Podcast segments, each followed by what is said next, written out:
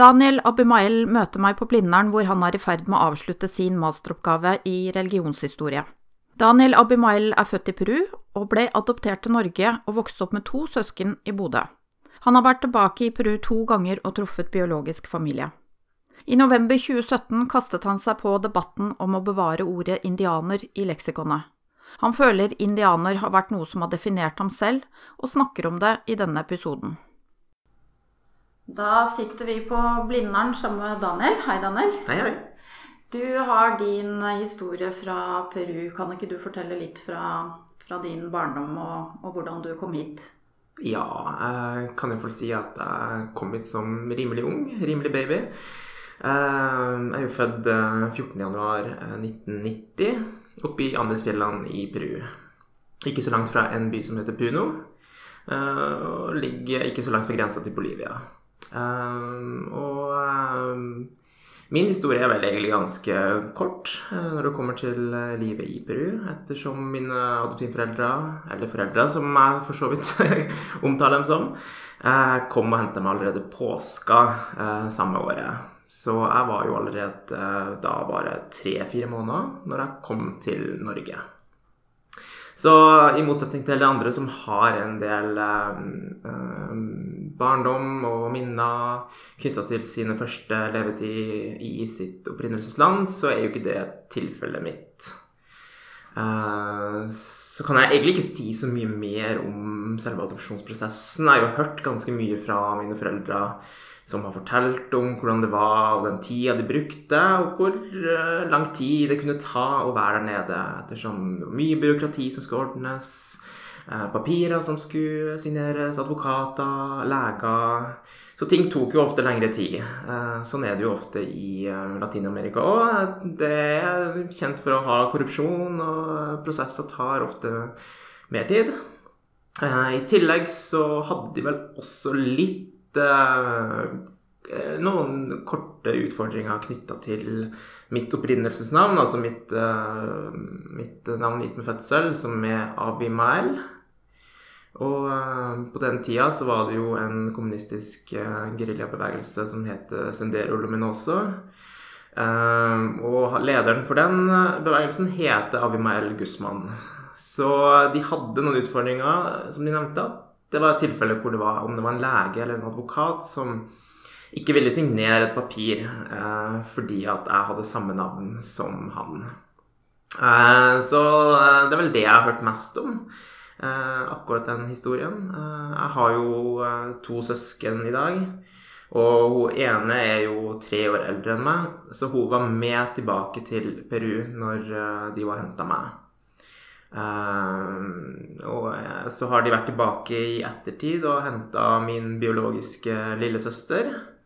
Uh, så det var påska etter de var henta meg. For vi er født da i uh, samme år, 1990 begge to. Jeg i januar og hun i november. Så mange tror jo at vi er tvillinger, men det er vi jo ikke. Men eh, det er jo litt spesielt da å um, komme til Norge og ha med seg etter hvert eh, ei lillesøster som er biologisk. Mm, så det er vel egentlig den, det jeg kan si rundt adopsjonsprosessen. Uh, uh, det er jo egentlig mine foreldre som kan si mest om den, men uh, jeg har jo hørt mye historier. Så kom du til Bodø og vokste opp der? Ja. Hvordan var oppveksten din i Bodø? Ja, den var egentlig veldig bra. Jeg har, eh, tror jeg, siden jeg kom til Bodø og ikke hadde noen minner med meg fra opprinnelseslandet, så er jo det eneste jeg husker fra hele mitt liv, er oppveksten i Bodø. Eh, og der kom jeg jo opp til Nord-Norge. Eh, hadde det veldig bra med mine foreldre og mine søsken. Og hadde tett, liten, tett familie rundt meg. Um, og jeg har mange gode minner fra den oppveksten. Uh, spesielt så kan jeg jo huske at uh, vi fant på mye lag, og vi hadde både hytte og vi, Det var mye aktivitet. En aktivitetsfamilie uh, som likte å gjøre ting. Eh, men det skal jo sies da at um, Bodø på 90-tallet var jo en by som i mindre grad enn Oslo var flerkulturell og mangfoldig. Um, selv om det innvandringsbølga kom til Oslo fra 60-, 70- og 80-tallet, så var det jo en del nasjonaliteter som ennå ikke hadde kommet opp til Bodø. Så det var jo ennå litt ukjent å se andre med annen hudfarge. Og vi ble jo omtalt i avisa i en tilfelle Nordlands Framtid, hvor jeg tror vi fikk en tre sider i en helgeutgave hvor det sto med overskrift 'Bodø-barna fra Peru'. Så det var jo litt spesielt, eh, kan du si. Um, men når jeg begynte i barnehage og etter hvert på barneskole, så kan jeg huske at um, det ikke var veldig mange med annen hudfarge. Det var noen, um, men når jeg begynte på barneskolen, så var det min egen eneste eneste i klassen med annen hudfarge var min søster, for vi begynte i samme klasse. Så eh, det var ikke egentlig primært så mange eh, med annen hudfarge i de første årene. Var du opptatt av Peru når du vokste opp? Ja, eh, det var jeg.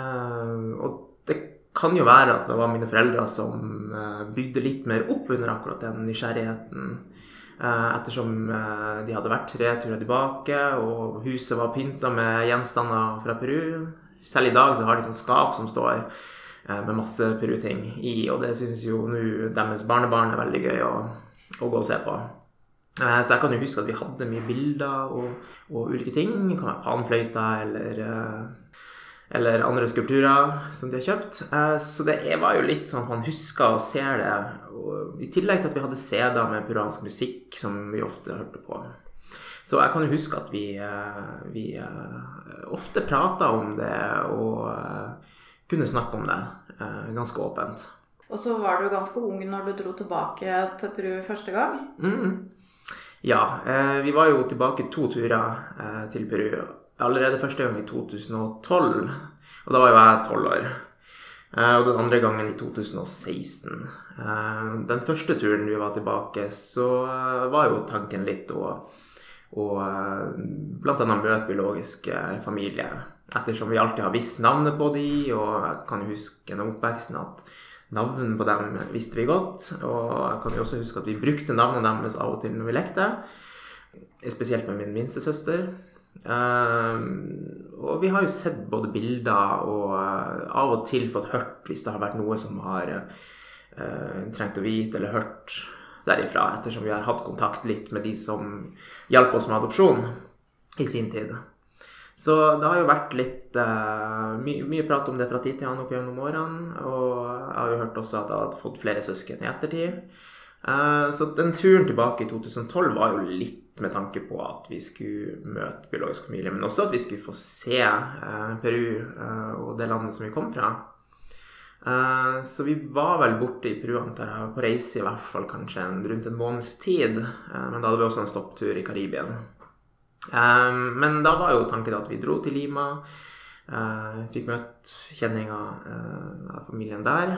Og så dro vi kanskje litt mer turisttur i starten til Cusco, som er jo veldig kjent sted for mange som reiser til Peru og drar til. Uh, og etter hvert tok vi turen til Arequipa og Puno.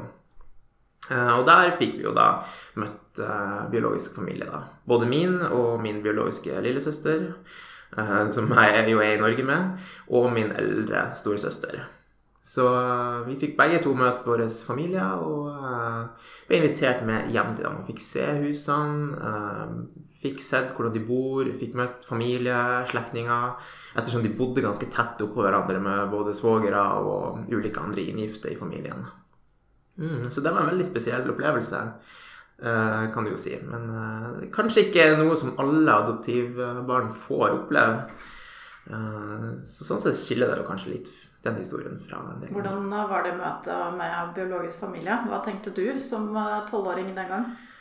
Uh, ja, hva tenkte jeg om det? Jeg tenkte vel egentlig først at det her var noen jeg kunne se at jeg var lik. Uh, og jeg har jo sett når vi har sett filmklipp i ettertid, at utseendemessig så kjenner du deg jo igjen i de du møter. For du ser at det er en likhet. Uh, samtidig så er det jo noen utfordringer med at jeg ikke kunne språket. Så jeg kunne jo på en måte ikke kommunisere med dem på samme måte. Eh, vi hadde med oss en eh, tolk som kunne spansk, og han kunne jo oversette. Men samtidig så er det jo litt problematisk med språk igjen, fordi at de, ofte de eldre generasjonen, og da mine biologiske foreldre, ikke kunne spansk så godt heller. For deres språk som de bruker seg imellom, er aymara. Så um, det var egentlig litt mer de yngre da, som var mer stødige i spansk, som hadde gått på skole og hadde lært seg det, som man egentlig lettere kunne kommunisere med. Um, så det med språk var jo en utfordring, uh, men det løste seg jo. Man kan jo ofte bruke bare mye fingre og hender og peik, og, og så får man jo alltid til en, en, en, samtale. Og som barn så kunne jeg jo også leke med mine søsken og min familie som var på samme alder. Så der borte fikk jeg jo møte eh, mine søsken, og vi er jo en søskenflakk på ja, er vi en ti stykker totalt. Um, så jeg fikk jo møte alle dem. Så det var jo spesielt. Er det kun du og søsteren din av den flokken som har adoptert bort? Ja. Det er kun vi to som er. Uh, og jeg har egentlig aldri spurt um, Jeg spurte ikke der, og jeg, jeg, tror egentlig aldri jeg har spurt mine um, foreldre her heller om de vet hvorfor vi har adoptert bort. For jeg vet ikke om jeg tror aldri jeg har følt at det har vært så viktig for meg å vite. Uh, jeg har på en måte ikke følt at jeg har trengt å vite om er det fordi de ikke ville ha meg, er det fordi at de ikke hadde mulighet, uh, økonomiske ting, andre ting. Um, så sånn sett, når ikke det spørsmålet har eh, kommet Når jeg ikke har tenkt så mye på det, så har jeg på en måte ikke etterlyst noe svar heller. Og vi snakka jo aldri, vi spurte jo aldri dem om det når vi var der nede. Jeg følte jo vi ble veldig godt tatt imot. De åpner jo husene sine og var veldig glad for å se oss. Uh, og det var ikke noe problematikk knyttet til det. Mm. Så var du tilbake andre gang. Eh, har dere greide dere å holde kontakten i mellomtiden? Eh, nei, eh, ikke noe sånn spesielt mye kontakt. Eh, det er jo knytta til at eh, de bor jo til en viss grad veldig primitivt, eh, og det er jo ikke skal de ha tilgang til internett i den tida, så måtte de jo dra på internettkafé og ha litt kunnskap om internett. Så det har ikke vært så lett å ha så mye kontakt. Det har det mest vært gjennom, um, gjennom um, kontakt av familien, som måtte ha sendt den informasjonen videre. Uh, jeg fikk jo vite i mellomtida av uh, Nei, det var kanskje ikke da. Men, uh, så det har jo ikke vært like lett å ha den kontakten. Men sånn som nå i dag, så, og som jeg som man ser, så er det jo at flere og flere kommer jo på Facebook. Eh, og det er jo kanskje noe som mange adopterte kanskje har innsett òg at kan være tilfellet. Så jeg ser jo at en del eh, adopterte også etter hvert nå har sine biologiske navn i en slags parentes på Facebook. Eh, og jeg kom jo også over min, min bror, min yngre bror, i Peru på Facebook for ikke så lenge siden, for kanskje et år siden. Kan du kommunisere med han? Nei, jeg kan ikke kommunisere med han. Jeg kommuniserte litt med en som la meg til. Jeg vet ikke hvordan han fant meg på Facebook, men uh, det var en annen slektning av familien som jeg ikke har møtt, som uh, la meg til. Så han har bare egentlig hilst meg på vegne av min mor. Uh, ja, men så kan jo ikke jeg spansk, så jeg fikk min eldre søster til å skrive meldinger til, til dem. Nå har du jo vært i Peru flere ganger. Hva syns du om Peru? Det er et veldig fint land. Uh, veldig fint land og veldig fine folk som bor der.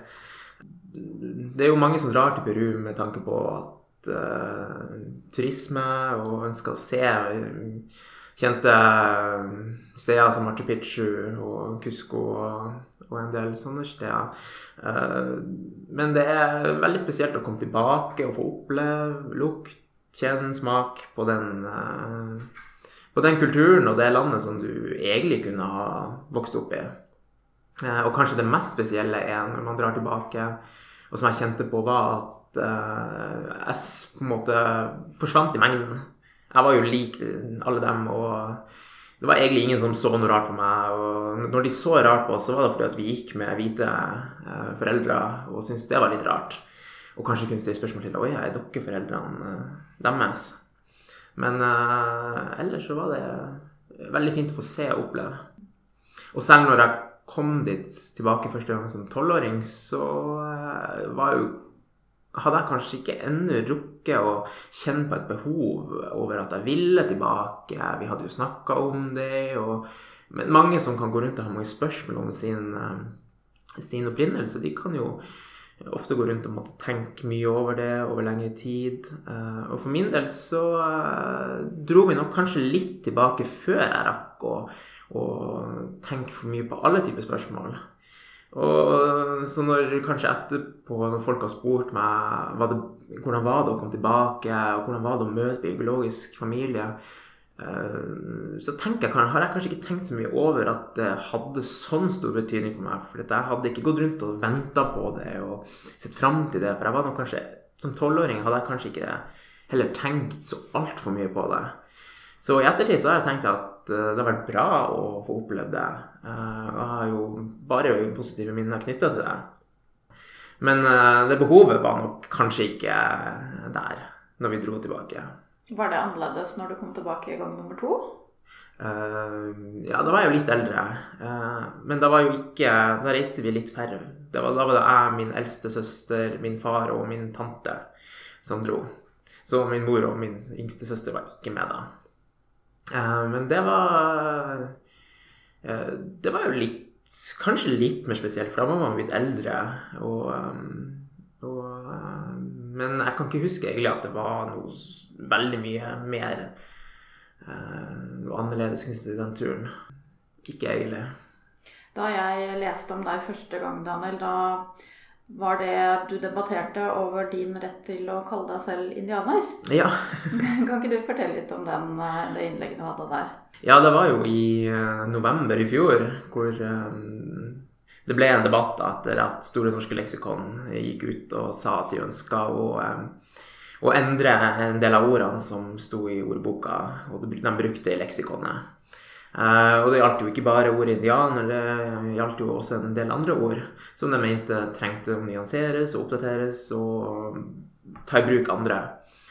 Uh, så da skrev jeg jo en kronikk til NRK Ytring, uh, og det handler jo litt om at den indianerordet var brukt litt mer i perioden før, for Siv Jensen hadde jo dratt på, på Ville Vesten-temafest i i Finansdepartementet uh, utkledd som indianer. Så det hadde jo vært en slags en debatt i, i måneden før uh, denne leksikondebatten. Uh, så da tenkte jeg at når det ble en debatt også om uh, indianer i leksikonet, så tenkte jeg ja, ja, da får jeg skrive en kronikk til NRK Ytring uh, for å prøve å sette noen ord på Eh, det ordet som eh, ikke så altfor mange i Norge velger å bruke. Eh, men som sagt, vi er jo noen som jeg mener har rett til å kunne bruke det om oss. For vi er født som indianere, men som sagt ikke vokst opp i, i våre opprinnelsesland. Og det kan jo gjelde en del adopterte i mange tilfeller. Eh, så jeg skrev jo den kronikken og sendte den inn til NRK Ytring og um, argumenterte for at uh, hvorfor jeg bruker det ordet om min identitet, og hvorfor det har vært viktig for meg. Uh, og hvorfor jeg mener at vi skal kunne bruke det uh, uten at vi måtte bli møtt med at vi ikke kjenner til ordets betydning og opprinnelse. Og det var jo En av tankegangene til Store norske leksikon var jo at man ønska å endre det pga. at den har imperialistiske eh, opphav, eh, og at man ønska å endre det til urbefolkning i stedet. Um, så um, jeg sendte jo inn og fikk jo svar, og leksikonet svarte meg jo på Facebook. Jeg fikk jo også noen mailer. Når det først begynte å renne inn mailer, så skjønte jeg jo ingenting, for jeg er jo ikke vant til å få mailer fremmede, så jeg trodde jo først det var NRK som sendte meg mailer. Men uh, jeg innså etter hvert at det var jo folk som leste det jeg skrev, som fant mailen min på, på NRK Ytring sine sider. Uh, så da fikk jeg jo noen, en del mye positivt fra helt fremmede folk. Og så var det noen som kontakta og ville ha meg til å utdype litt mer. Uh, det var blant annet en student som skrev en slags liten sak om det. og så fikk jeg jo også et par eh, mailer fra folk som var uenige med meg. Og det hadde jeg jo forventa. Det var jo helt ærlig sak, det. Og det var jo en konstruktiv måte de skrev også på. Eh, og det var bl.a. fra adopterte. Eh, så jeg hadde jo ikke, jeg ikke forventa at alle adopterte skulle være enige med meg. Og jeg tror vi mange har ulike erfaringer knytta til, til det ordet. Hva betyr det for deg å kunne si at du er indianer? Eh, det betyr veldig mye, eh, fordi at vi har brukt det ordet opp som del av oppveksten. Eh, jeg har vært stolt av det. Og eh, spesielt har vi nok brukt det ordet veldig mye for å forklare hvem jeg er. Og det er det enkleste ordet for, for å bruke. For det finnes veldig mange ord man kunne Jeg lurer litt på hva slags ord de skulle ha brukt annerledes, mine foreldre, hvis de ikke skulle ha brukt det ordet. Fordi at det, det finnes litt uh, urbefolkning, ja, men det sier ikke så mye. Det gir ikke så mange relasjoner for et lite Så mange assosiasjoner i hodet for et lite barn.